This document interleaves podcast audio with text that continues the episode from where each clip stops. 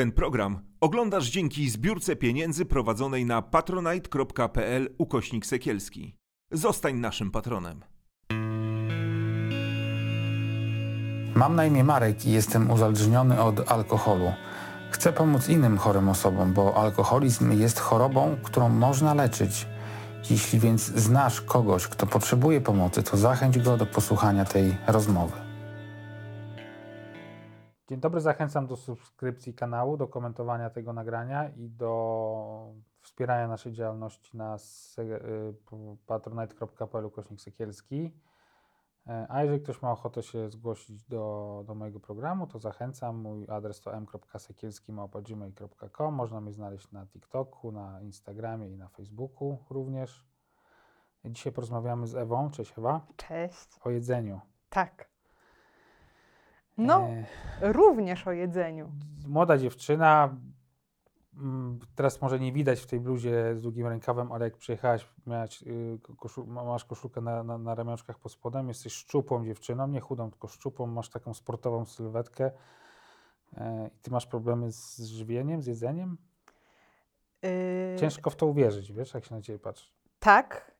I to było coś, co przez wiele, wiele lat utrudniało mi poszukanie jakiegoś rozwiązania.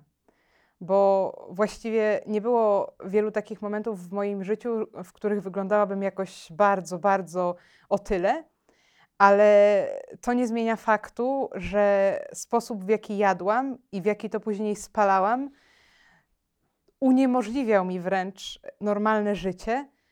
I to skupienie na tym, ile jem, jak jem, czy jem, czy nie jem, czy ćwiczę, co mogę osiągnąć, jeśli będę już miała ten swój upragniony y, wymiar, kształt ciała, y, były tak natarczywe, że właściwie na tym opierało się całe życie. Moje wewnętrzne, bo poza tym robiłam mnóstwo ciekawych rzeczy, uczyłam się dość dobrze, więc to też wymagało czasu. Miałam wielu znajomych, bo często myśli się o osobach z zaburzeniami odżywiania, jak o tych, którym trudno nawiązać relacje społeczne. Ja z tym nie miałam problemu i myślę, że 95% osób, które mnie znają i posłuchają tego nagrania, y, bardzo się zdziwią. Bo to Bo wszystko... oni nie wiedzą ci twoi znajomi, że ty miałaś, że ty przez wiele lat, tak?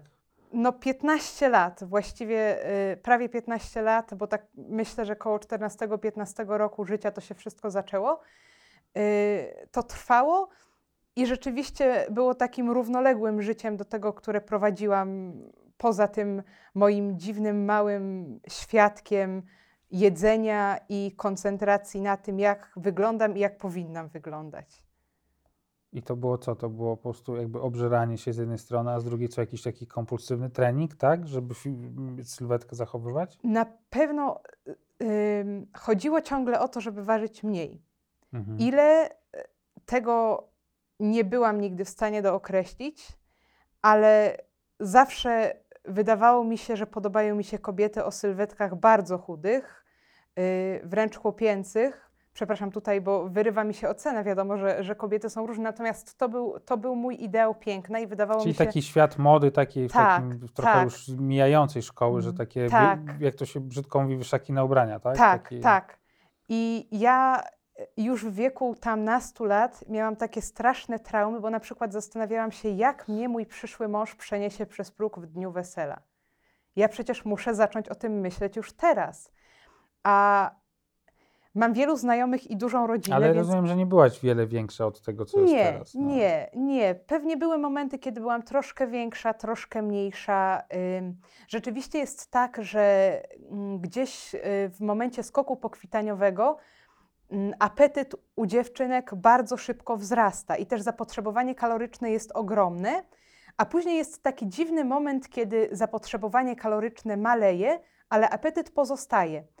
I widziałam to bardzo na swoim przykładzie, że to jest też ten moment, kiedy na młodą dziewczynę y, spadają te wszystkie komunikaty społeczne, kulturowe, narzucające na nią taki wymóg, że ona musi być piękna, że to, jak wygląda, jest Definiuje ją w definiuje ją, jest wyznacznikiem tego, czy ona w ogóle nadaje się do, do podjęcia pracy, nauki, czy ona jest wartościowa, czy nie jest. No i ja bardzo chciałam się w ten y, idealny kształt wbić.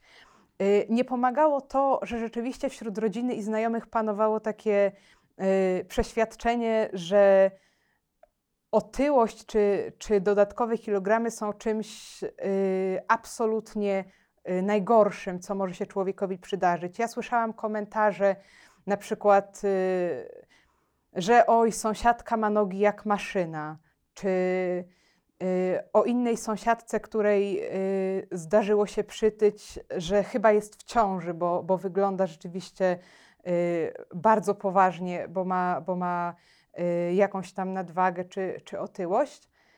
I ciągle bałam się, że jeżeli ja nie wmieszczę się w jakiś wyimaginowany rozmiar, to po prostu przepadnę z kretesem i wszystkie moje plany, wszystkie ambicje, marzenia nigdy się nie spełnią. Yy, Pamiętam, że ja sama w pewnym momencie bardzo chciałam kontrolować to, co jem, ale też dziwiło mnie, jak bardzo to, jak jem i ile jem, zwraca uwagę przypadkowych ciotek, wujków. Jednak gdzieś ta y, tematyka odżywiania, różnych diet, ona ciągle się przewijała.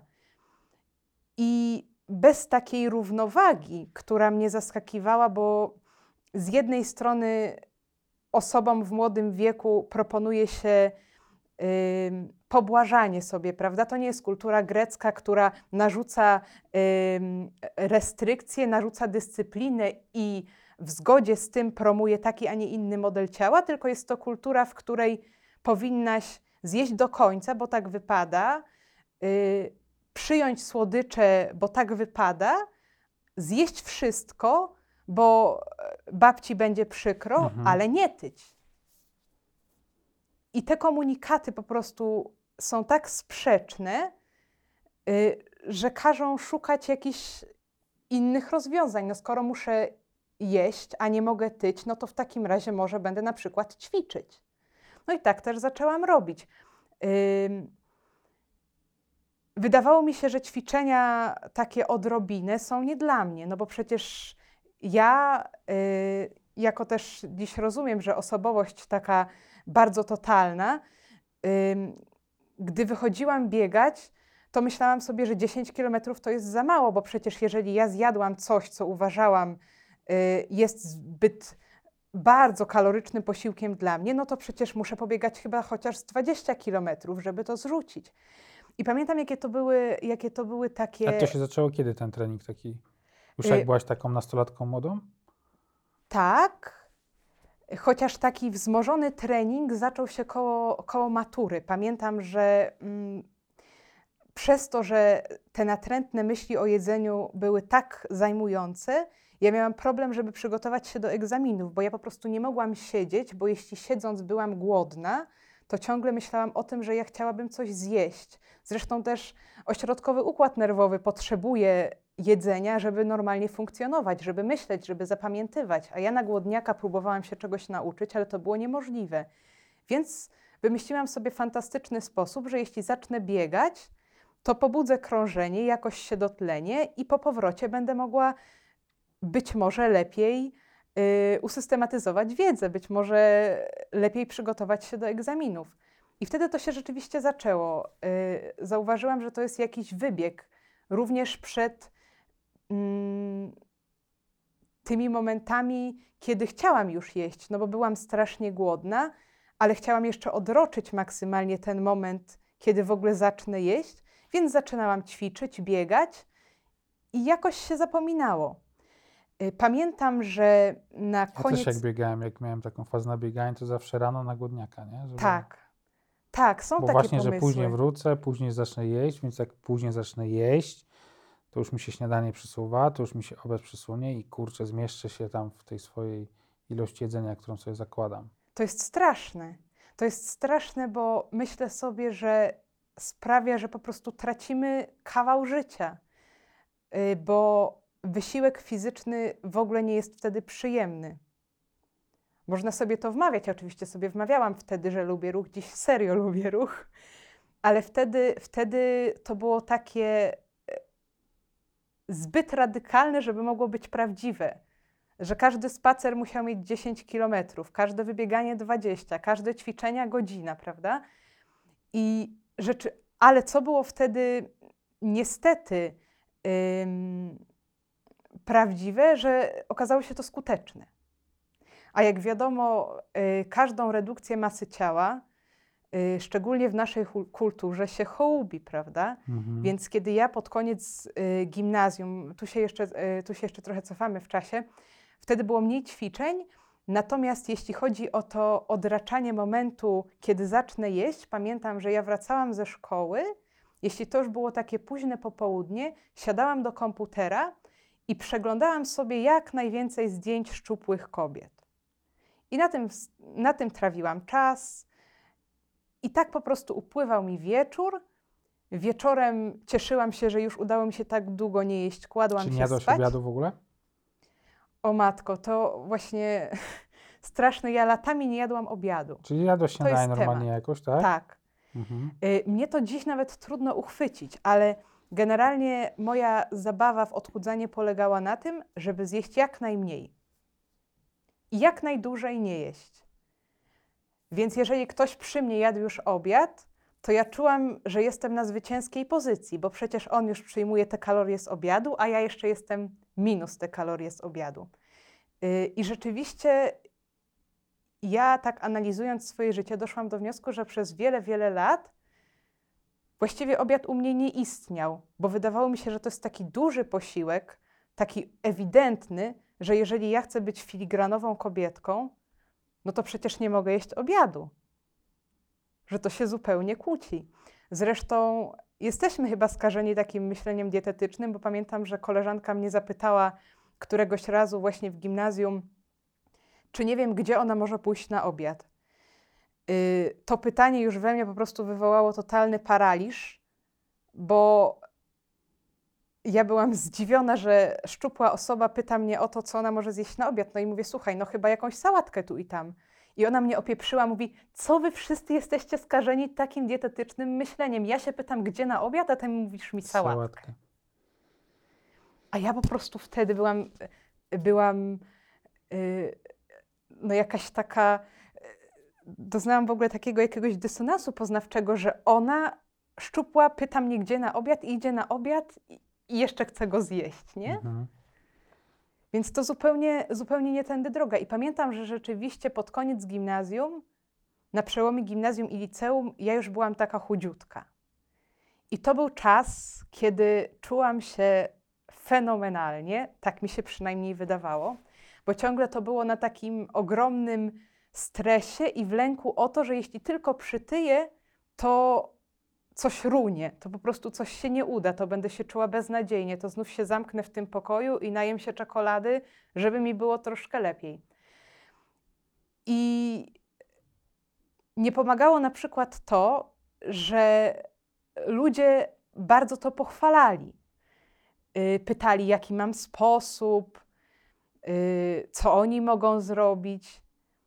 No ja oczywiście dzieliłam się różnymi głupimi sposobami, y, typu nie jeść po 18, ale y, ja po prostu w rzeczywistości po prostu próbowałam jak najmniej jeść. I to był mój jedyny magiczny sposób, żeby schudnąć, no, który później dał o sobie znać, bo tak długie życie pod wpływem głodu po prostu doprowadziło mnie do napadów okropnego obżarstwa.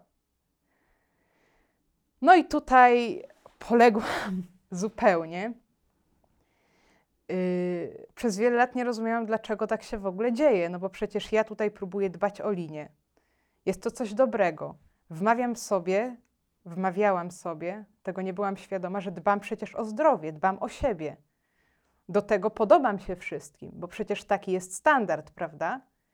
Gdybym była grubsza, mówiliby o mnie, że jestem wielorybem, że nie potrafię opanować swoich instynktów, a ja jestem taka piękna, prawda?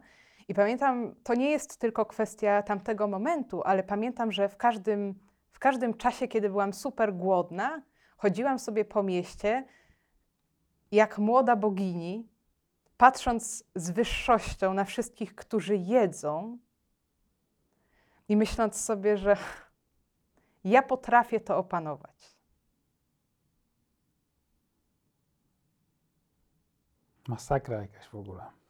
Ale taka ży- życiowa sprawa, nie? Bo jest mi to cholernie bliskie, no, nie w ten sposób, że, że nie mam czegoś takiego, że chodzę i patrzę się po, po jedzeniu, ale to takie myślenie obsesyjne, w zasadzie cały dzień się kręci wokół tego, czy, czy zjem, ile zjem, żeby nie zjeść.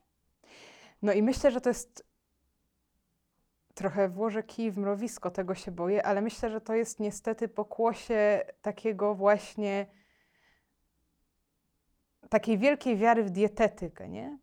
Że No, rynek dietetyków szeroko pojęty, bo oczywiście nie, nie, nie, nie będziemy tutaj uogólniać, bo, bo są dobrzy dietetycy z pewnością, ale no właśnie te, te jedzenie po 18, no to przecież to jest, to się wzięło właśnie stąd, nie? To dietetycy zaczęli chodzić po, po różnych mediach i opowiadać, że chcesz dobrze wyglądać, to po 18 to już nic, ewentualnie o 18 sałatka, nie? no ale ja No ciągle... to jest bzdura kompletna, nie? To jest totalna bzdura, chociaż yy, spotkałam się studiując psychodietetykę z wieloma super mądrymi, wykwalifikowanymi specjalistami, którzy naprawdę doskonale rozumieją yy, mechanizmy ludzkiego ciała, potrafią doradzić, jak odżywiać się w rozmaitych chorobach. To jest bardzo cenne. Natomiast yy, jedna z yy, wykładowczyń sama przyznała, że rzeczywiście dietetycy mają taką ułomność, że oni notorycznie myślą o odchudzaniu. Ale też dlatego. No właśnie powiedziałeś takie zdanie, jak rozmawialiśmy sobie przed, przed, przed nagraniem, nie? że w ogóle nie powinno się, że ludzie się nie powinni odchudzać. Znaczy, badania jest, pokazują, y, odsyłam do książki y, Psychologia odżywiania się, taka zielona, żeby nie było, że tutaj gadam jakieś, jakieś farmazony wyssane z palca, że jeśli ktoś podejmuje się wyzwania odchudzania, to najpewniej nie wytrwa. Jeśli wytrwa, to najprawdopodobniej nie schudnie tyle, ile by chciał, a nawet jeśli schudnie, to i tak wróci najczęściej oczywiście do wagi tej, którą miał, lub do wyższej. I y, powołując się na takie badania, zapytałam właśnie jednej z wykładowczyń, dlaczego w ogóle w takim razie odchudzamy? A ona powiedziała, że na razie nie mamy lepszej metody. I szanuję ją za to. Y, rzeczywiście, może szukajmy dalej czegoś lepszego. Natomiast fakt, że taki sposób myślenia o jedzeniu w ogóle funkcjonuje, uważam za wielką porażkę. Y, Już nie mówiąc o wszelkich dietach alternatywnych, które nie mają żadnego poparcia y, w medycynie, w badaniach, a są stosowane po to, żeby dać ludziom jakąś nadzieję na coś, czego być może nie mogą po prostu osiągnąć tą drogą, bo skupiają się na jedzeniu, a powinni poszukać zupełnie gdzie indziej. No tak, teraz dzi- dzisiaj jest szaleństwo na, na keto, Na keto i okna żywieniowe. na okna żywieniowe. Jest Tak, masa, masa myślałam- specjalistów, którzy Tak. na tym robią biznesy i No i, budują swoją jakąś tam popularność, natomiast no, i to jest trudne, bo człowiek się nie urodził do tego, żeby jeść keto, ani No nie urodził się do tego, polifagiem. żeby robić sobie okna żywieniowe No i jest- sobie wyliczać. No. tak, chociaż z tymi oknami no można by polemizować. Może kiedyś tak żyliśmy, że, że tylko w jakichś tam krótkich odstępach czasu Ale- mogliśmy jeść. Natomiast dziś tak nie żyjemy. Yy, I w ogóle myślę, że akurat w przypadku osób z zaburzeń odżywiania, z zaburzeniami odżywiania, wszystkie te zalecenia są dokładnie odwrotnie no produktywne. bo to jest ze skrajności w skrajność, nie? To Tak. Jest, Y, to jest po prostu dokładanie jeszcze osobom, które i tak mają chaos w myśleniu o jedzeniu i o własnej sylwetce, dorzucanie im jeszcze kolejnych problemów. Nie jedz po 18, przeżuwaj 15 razy, nie jedz węglowodanów, a to jedz tylko tłuszcze, a tutaj jedz tylko w takich godzinach. Warzyw to możesz się po prostu najeść tyle, że Ile ci chcesz. wyjdzie uszami. Owoce ostrożnie, bo są kaloryczne. Soki to tam też trzeba przeliczyć.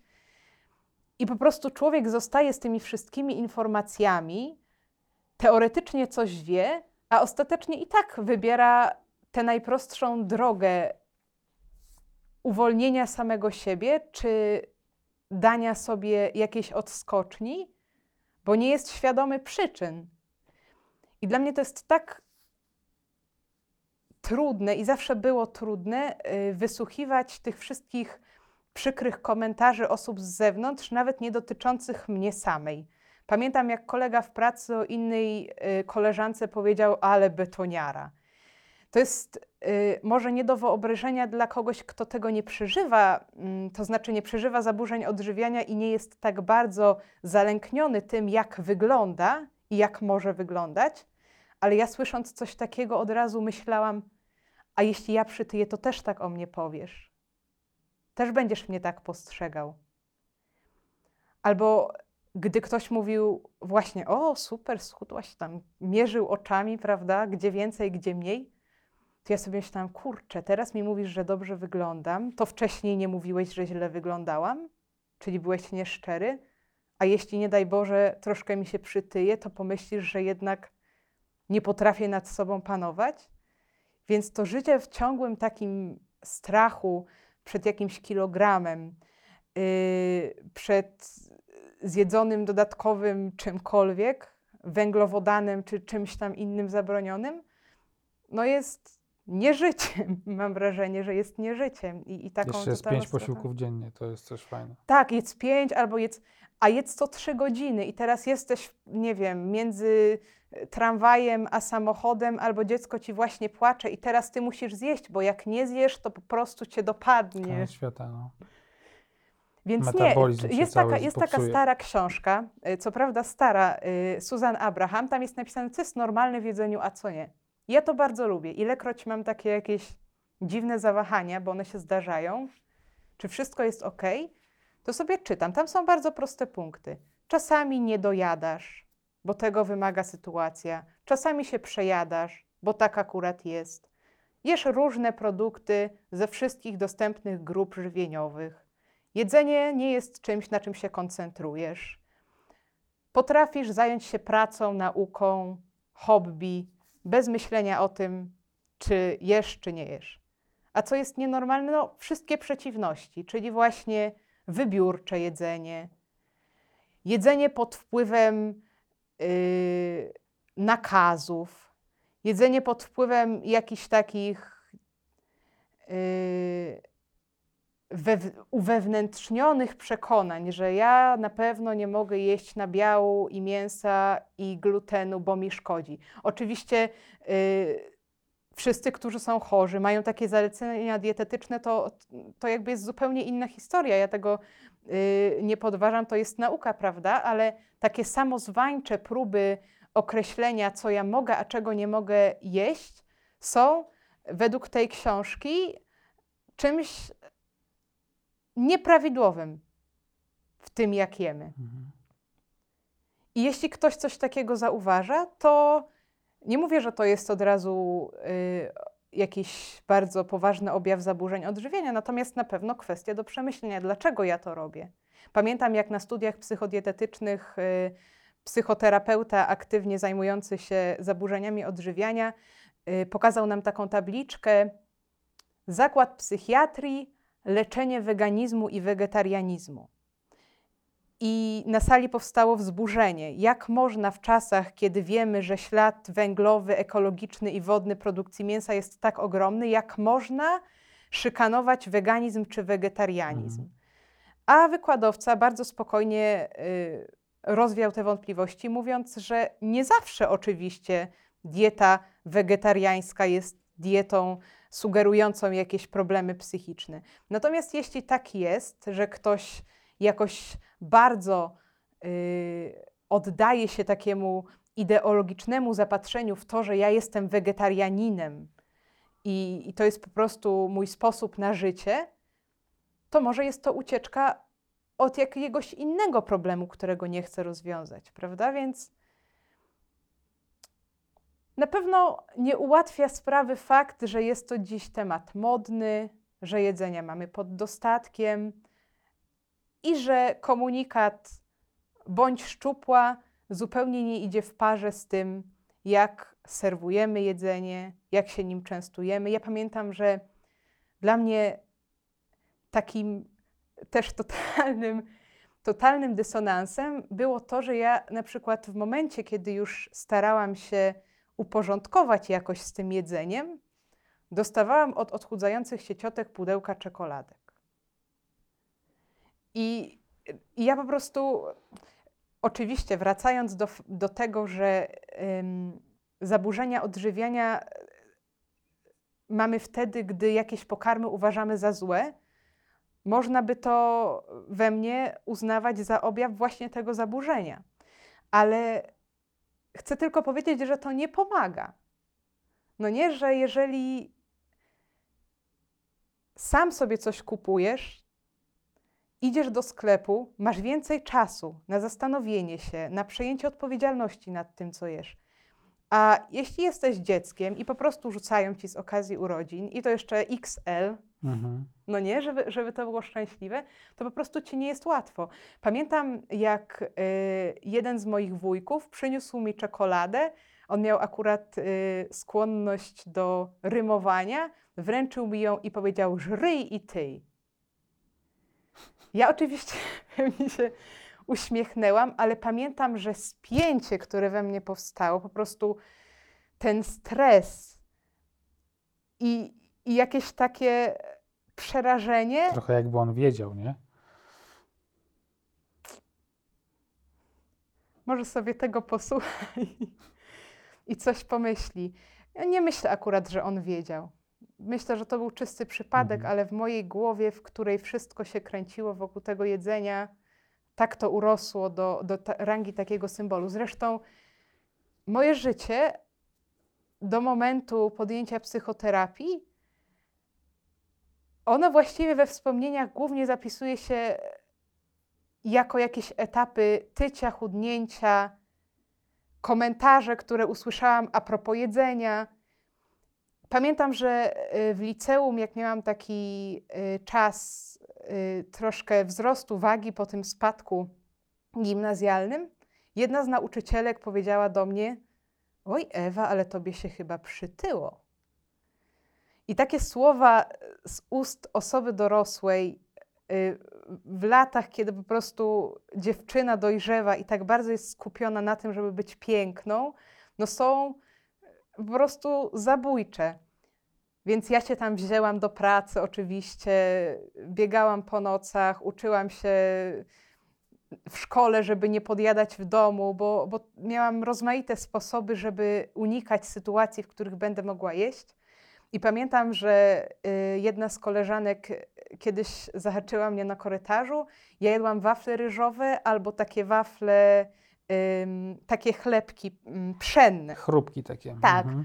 I ona na mnie patrzyła i mówi: Kurczę, Ewa, ty jesteś nienormalna. Albo jesz karton, albo styropian.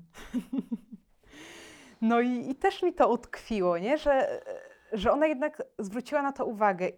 Pamiętam, że ja tak bardzo uzależniałam to, jak siebie widziałam od tego, ile zjadłam.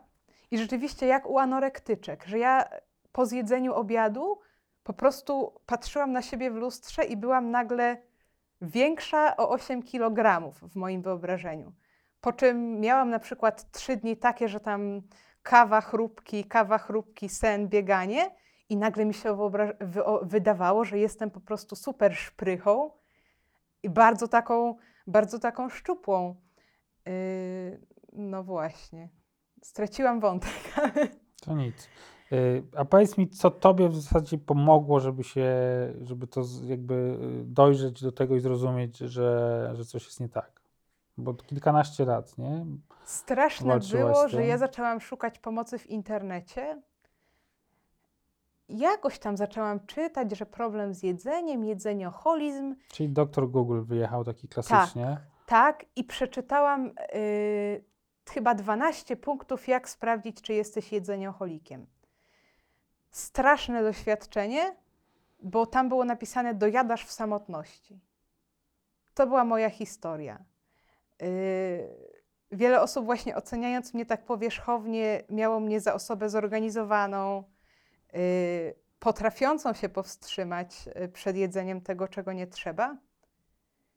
No a ja miałam swój czas zawsze, kiedy domownicy szli spać, wyjeżdżali do pracy. no i ja wtedy rozumiałam, że coś jest nie tak, nie? Bo e, niedzielny obiad, wszyscy się spotykali, ja jadłam surówkę. Ale później wszyscy kładli się spać, a ja schodziłam do lodówki i to po prostu miałam tak obcykane wszystkie dźwięki wszystkiego, co w domu, że na przykład wiedziałam, który schodek skrzypi, żeby ominąć, żeby nikogo nie obudzić. Jak zamknąć drzwi, W takim lęku schodziłaś, w takim napięciu? okropnym. I jeszcze najgorsze było to, że kuchnia była otwarta, sypialnia rodziców blisko, a w lodówce jest światło. Więc trzeba było szybko otworzyć, wyłączyć światło, przyzwyczaić źre- źrenicę do ciemności i coś tam Mhm. brać. No i z tego później, więc to głównie było w nocy, chociaż też czasami od razu po przebudzeniu, różnie. Wracałam do siebie do pokoju i wtedy mogłam sobie dać upust. No i kończyło się oczywiście wielkimi wyrzutami sumienia, często okropnym bólem brzucha. A że działo się to w nocy, a rano trzeba było wstać do szkoły, no to też e, przez niedobory snu czułam się po prostu jak takie chodzące zombie. Okropnie. Na nic bym, w życiu bym tego dziś nie chciała, nie chciała wrócić. Yy, straszne było też to, że mm, podobnie jak w przypadku innych uzależnień, ja w momencie takiej potrzeby napadu nie miałam żadnych oporów. Jak dziś sobie pomyślę, komu co zjadłam i jakie to było nie na miejscu. Yy, Pamiętam, że mama kiedyś przywiozła wszystkim czekoladki z Wiednia, a ja miałam taki system, że jeżeli komuś coś zjadłam, to zanim on dostrzegł, że już mu coś zjadłam, to ja mu to odkupowałam. To też yy, zresztą prowokowało bardzo głupie sytuacje, bo ja miałam w głowie godzinę otwarcia wszystkich sklepów w okolicy. Te, które się otwierały najwcześniej, to były moje targety, bo tam można było najszybciej podjechać jeszcze zanim wszyscy się obudzą. No ale jak jadłam czekoladki z Wiednia, które otrzymali moi bracia, to ja już wiedziałam, że ja ich nie zdołam odkupić. Ale to zrobiłam, nie? I afera rzeczywiście była niesamowita. No bo tak się nie robi. No nie zjada się komuś czekoladek z Wiednia. Miałaś swoje, dlaczego, dlaczego zjadłaś też braciom, nie? Mhm. Y, I dużo było takich akcji. Ja pamiętam, że y, mój brat miał też taką swoją szafkę ze słodyczami. Ja po prostu, jak go nie było, to już tam obczajałam, co jest i czekałam tylko, aż wyjedzie. Ale problemy pojawiały się wtedy, kiedy ten sklep otwarty od piątej nie miał takiego asortymentu, który ja potrzebowałam odkupić. I po prostu pamiętam swoje myśli, swoje rozczarowania, swoje płacze, że ja tu pojechałam do sklepu po Prince Polo XXL, a jest to rozmiar tylko podstawowy. I co teraz zrobić? I to naprawdę były trudne rzeczy, bo to jest moment, kiedy musisz się zmierzyć jednak z wyznaniem, nie? Że u ciebie coś jest nie tak. Musisz się przyznać, bo to w kategoriach winy, nie? No Wszystko. tak. Wszystko z poczucia winy leci. Ale to jeszcze, to jeszcze nie było najgorsze, bo jak ja zaczęłam wyjeżdżać później na Erasmusy i mieszkać z obcokrajowcami, to moja żarłoczność nie znała oporów nawet tam. I pamiętam, że moja współlokatorka Ukrainka dostała wysłany przez matkę z Ukrainy karton ciastek. I no i on sobie tam stał. Ja byłam zawsze szczęśliwa, kiedy ludzie zabraniali mi yy, jeść ich jedzenie. Nie, to wtedy był taki bezpieczny dystans, że nie mogę. Ale ona któregoś razu tak mówi, a tam są ciastka, jak będziesz chciała, to sobie weź. Ja mówię, nie dziękuję.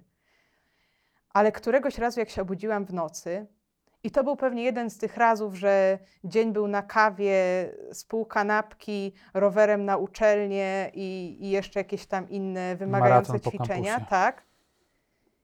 Jak ja po prostu pomyślałam o tych ciastkach, to myślę, dobra, poczęstuję się, przecież pozwoliła. No i zgadnij, jak się skończyło. No, wszystko poszło jak... Nie wiem jaka paczka, to powiedz, ile było No gramów, ja tak. ci powiem, czy zjadłaś. No tak, no takie dwie paczki po butach. No karton, po prostu karton, Karton. nie? No i spoko, że zjadłam tylko co rano. Gdzie kupić? Ukraińskie ciasteczka Uff. w Wilnie. No i był hardcore, nie? Ja oczywiście zaczęłam kombinować, że może sobie. Chociaż też rzeczywiście na tamtym etapie słodycze były dla mnie jakimś problemem. Jeśli były w pobliżu, to moją silną wolę bardzo, bardzo wystawiały na próbę. Ja tak jakoś zakombinowałam, kupiłam jakieś zdrowe rzeczy, włożyłam do tego kartonika i napisałam tej lokatorce liścik, że y, słuchaj, może teraz zrobimy sobie takie zdrowe pudełeczko. No ale pamiętam, że musiałam wrócić z tej uczelni i się z nią spotkać, nie? Ona była skonsternowana, w ogóle nie wiedziała, co powiedzieć. Mówiła, że planowała właśnie urządzić picie herbaty dla wszystkich w akademiku i poczęstować ciasteczkami. Więc ja wyobrażam sobie jej frustrację, nie? Bo sama pewnie poczułabym się tak samo. Wyobrażam sobie frustrację rodziny czy, czy współlokatorów, którzy wstawali i nie odnajdywali rano śniadania. A ja próbowałam się ograniczyć i zrobić mniejsze zakupy, żeby nie wystawiać samej siebie na próbę, nie? Mhm.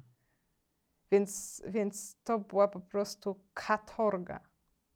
Straszna katorga. No i też to jest takie głupie, jak ciągle jesteś na diecie, a nawet jak nie jesteś, to i tak uważasz, że powinieneś być.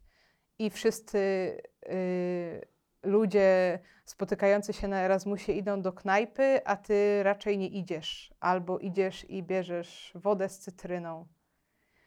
Więc tracisz zupełnie ten, Taką radość życia. no. tak. Ten aspekt społeczny chcę też powiedzieć. Smakowania, różnorodności.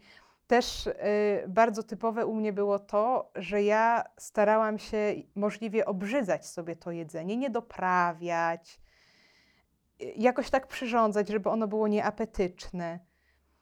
Y, to typowe dla zaburzeń odżywiania i to też sprawiło, że ja bardzo długo uczyłam się w ogóle gotowania, bo było we mnie tyle lęku, który mówił mi, że ja nie umiem gotować, że nie umiem nic przyrządzić. Zresztą to pojawiało się też w sygnałach z zewnątrz, bo ja komuś ugotowałam i mówi, a Ewa, oczywiście, ziemniaki o smaku wody, nie? Ale to wynikało ciągle z mojego strachu, że ja chciałam to jedzenie sobie w jakikolwiek sposób zohydzić. No i tak, żeby było książkowo, też mi się zdarzało, nie wiem, zjeść zamrożone, jakieś tam paluszki rybne, nie? Czy postanowić sobie, że teraz będę dojadać wszystko, co stare w domu, jem kanapkę w liceum, a koleżanka mówi, ty Ewa, ona spleśniała jest. No więc tak, to myślę, że myślę, że to są jednak takie doświadczenia trudne, a najbardziej szkoda mi tego czasu. Y, tych momentów, które mogły być super, a były czasem skupiania się po prostu na tym, czy ja jeszcze mogę, czy już nie mogę. I jaki teraz fantastyczny, nowy sposób wymyślić, żeby uporać się ze zbędnymi kilogramami. Już nieważne, czy, czy je miałam, czy nie. Y, No i wchodziły różne tam nowe, fantastyczne pomysły. Najczęściej one po prostu się sprowadzały do głodówek. No i zgubny wpływ też oczywiście miało na mnie ważenie, bo każde zważenie się z wynikiem dodatnim to była wielka trauma, przekonanie, że moje życie jest do bani i najlepszy sposób na rozwiązanie problemu, czyli jedzenie. A gdy wynik był ujemny, no to dobrze mi idzie, to jedzenie. Nagroda. No tak.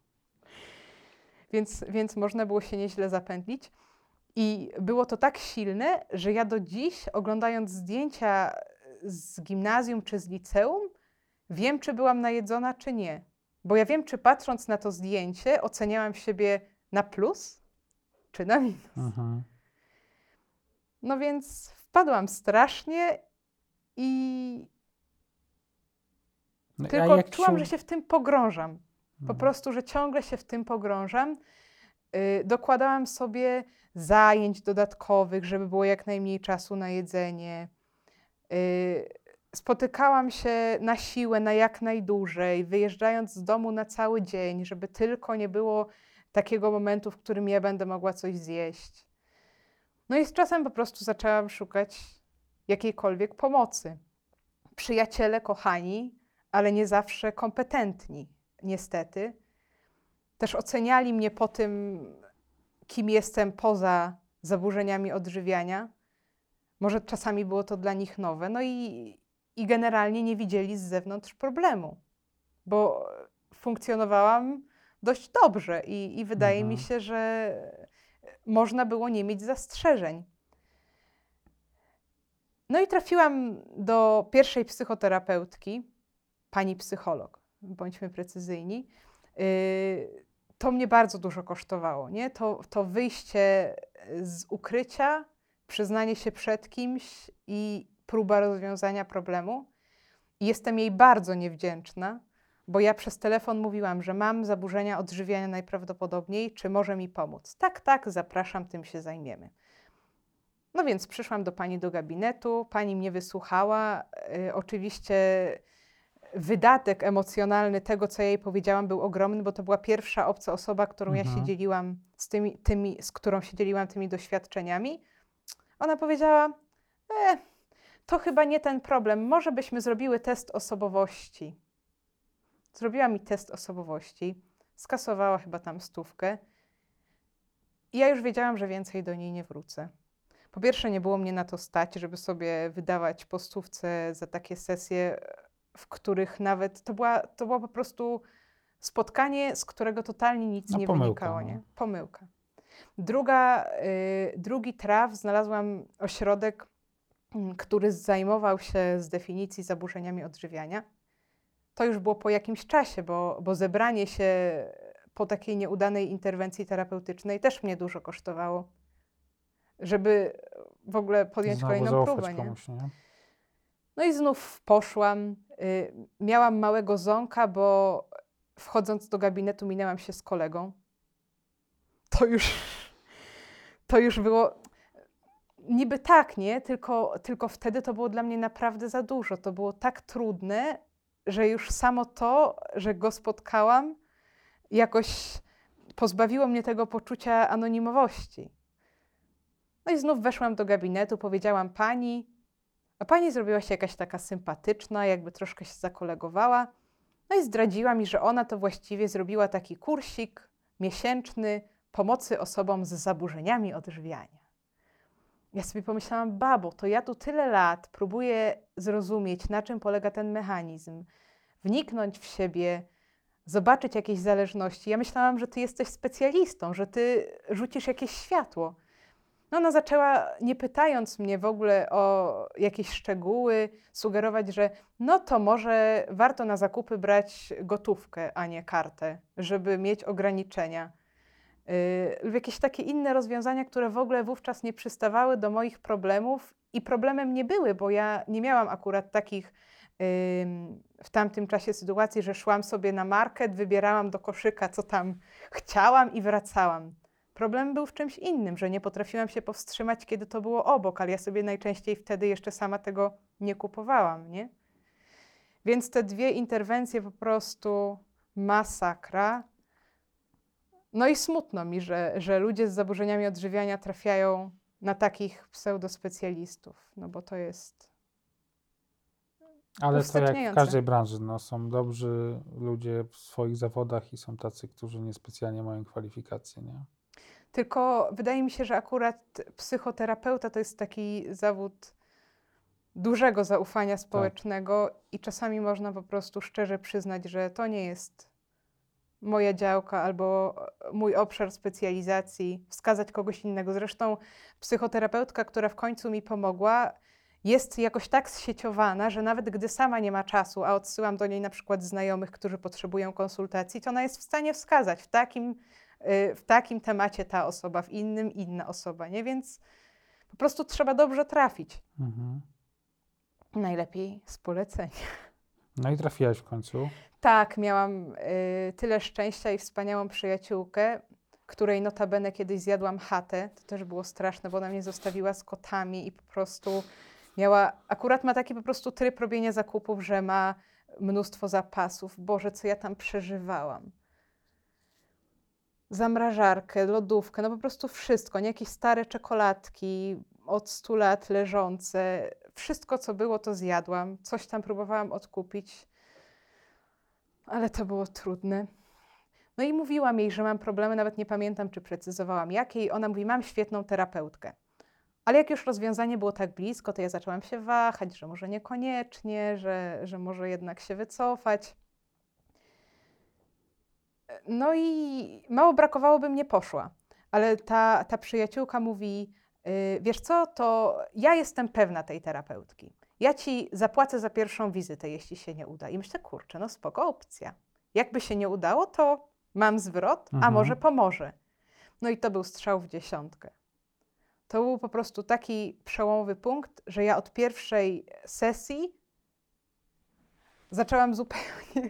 To jakby było takie po prostu y, zabicie tego y, takiego skręconego myślenia, tych wszystkich zdziwaczałych myśli, odwrócenie i też ona mi powiedziała na tej pierwszej sesji taką rzecz, bo mm, nie jest tajemnicą, że zaburzenia odżywiania idą jakoś w parze z y, chwiejnym czy niskim poczuciem własnej wartości.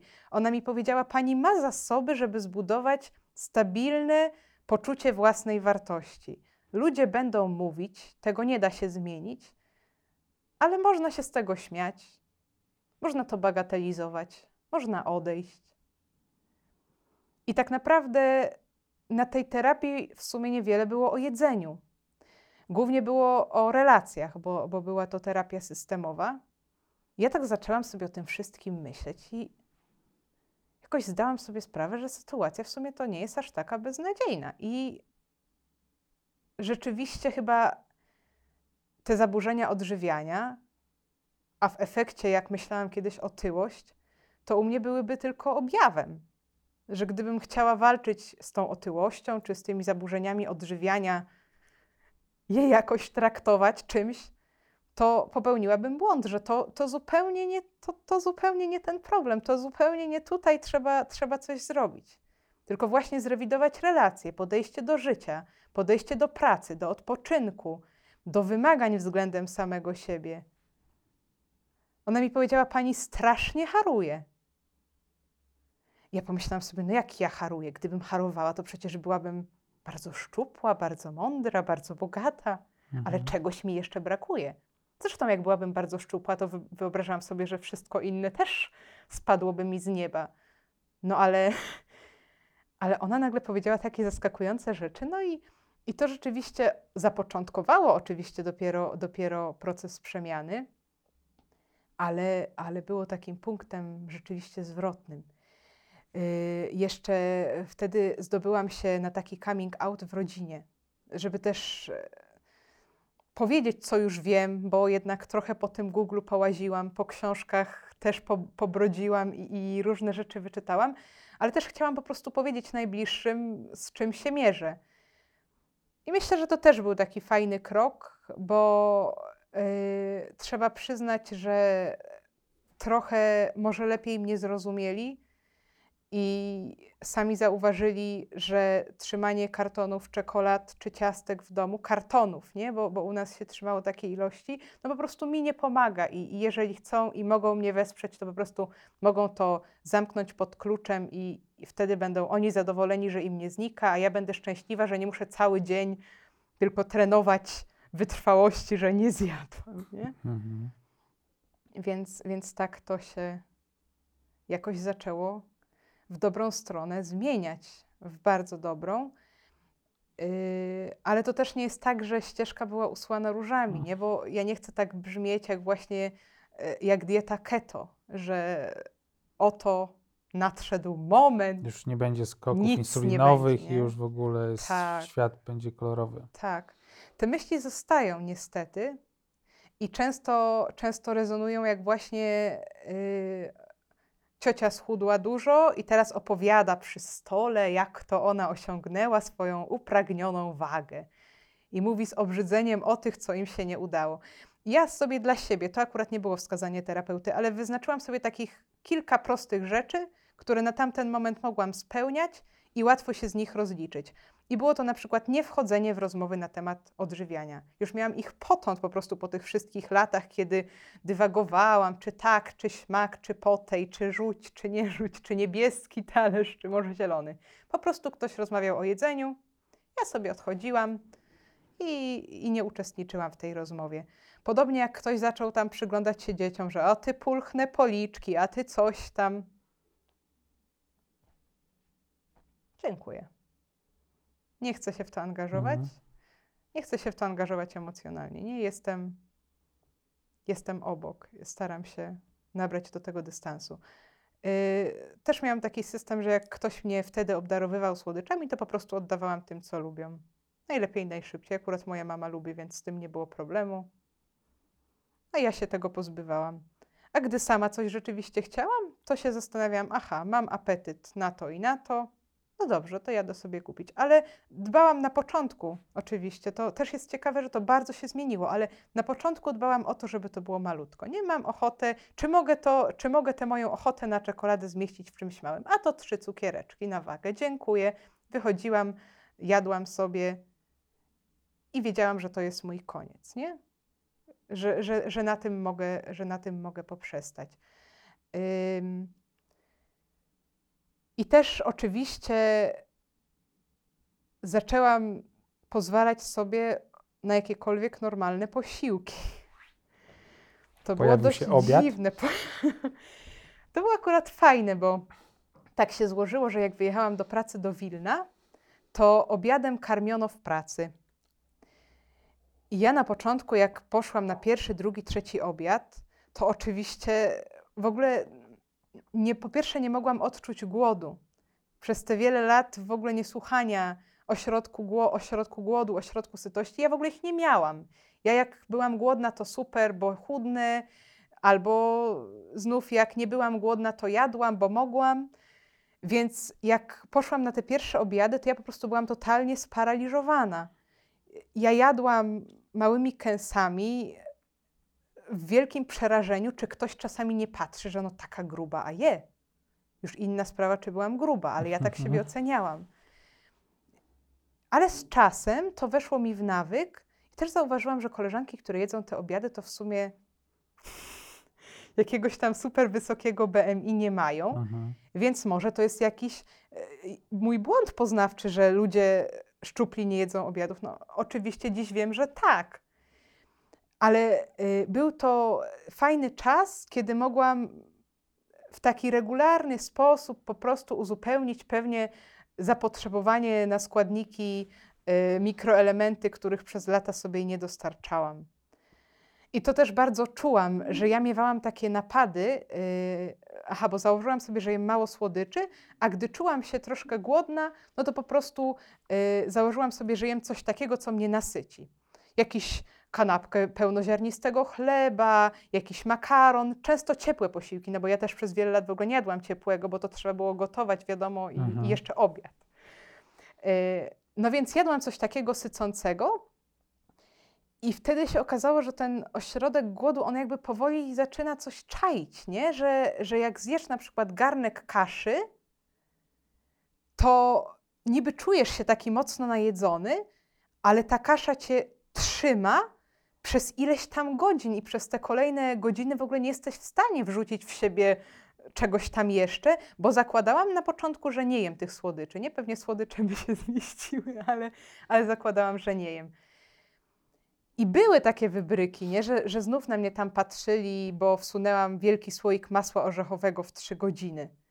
Ale to już nie były takie pokarmy, które zupełnie przelatywały. Ja pamiętam, że przy tych swoich epizodach obżarstwa to ja po prostu potrafiłam pół kilo płatków z mlekiem, cały chleb z żółtym serem, bo był biały, więc jakby przetworzony wysoko, ja w ogóle nie czułam, że on jakokolwiek mnie syci, nie? Mhm.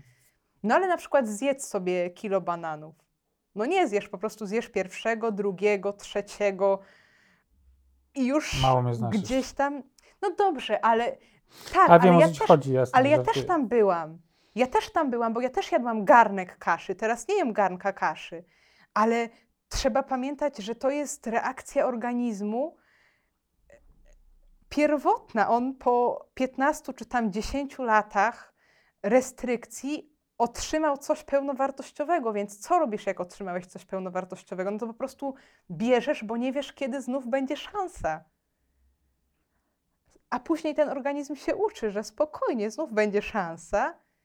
I to jest po prostu niesamowite. Właśnie zdziwiłam się, patrząc wczoraj w swoje pamiętniki, jak to się o dziwo szybko stało.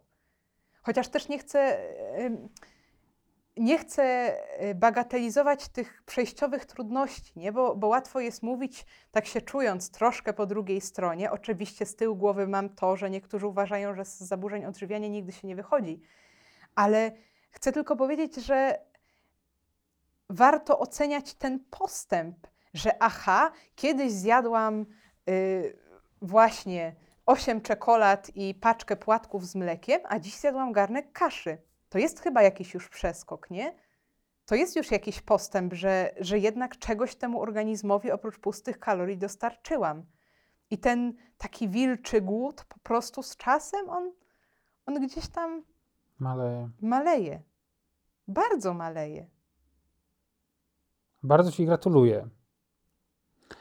E, Bo poradziłaś sobie z problemem, z którym ja sobie jeszcze nie radzę cały czas, mimo że mam dużą świadomość od dwóch, trzech lat pewnie e, i bardzo bliskie mi jest to, co mówiłaś w wielu aspektach. E, I nie wiem, co chciałem powiedzieć.